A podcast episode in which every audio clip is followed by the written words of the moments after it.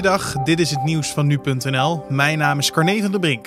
De huidige president van de Verenigde Staten, Donald Trump, heeft donderdagavond lokale tijd formeel het kandidaatschap voor de Amerikaanse presidentsverkiezingen namens de Republikeinse Partij geaccepteerd. My fellow Americans, tonight with a heart full of gratitude and boundless optimism, I profoundly accept this nomination for President of the United States.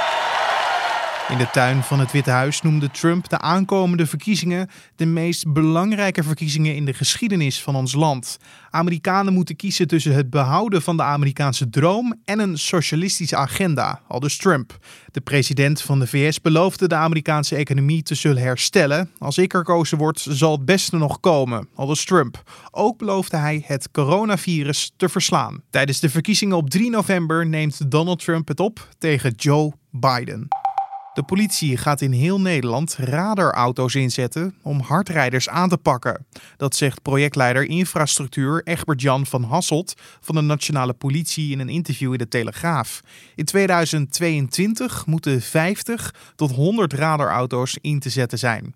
De onopvallende politieauto's gaan al rijdend de snelheid van automobilisten meten. Een proef met het inzetten van de radarauto's was volgens Van Hasselt al geslaagd. Automobilisten krijgen net als bij een flitscamera en een trajectcontrole de boete thuisgestuurd. Een automobilist hoeft dus niet staande gehouden te worden. De 17-jarige jongen die woensdag werd opgepakt vanwege een fatale schietpartij in de staat Wisconsin wordt aangeklaagd voor onder meer moord. De schietpartij vond plaats tijdens de onrust die ontstond na de arrestatie van Jacob Blake. De opgepakte tiener schoten dinsdag drie personen neer. Twee van hen zijn aan hun verwondingen overleden. Het derde slachtoffer werd opgenomen in het ziekenhuis, maar is buiten levensgevaar. De minderjarige jongen is zes keer aangeklaagd. Vakbond FNV wil regelingen over thuiswerken meenemen in toekomstige CAO-onderhandelingen.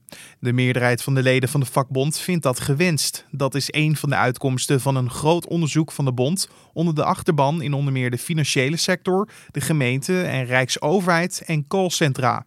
Uit het onderzoek van de bond onder de leden komt naar voren dat twee derde prettig kan thuiswerken.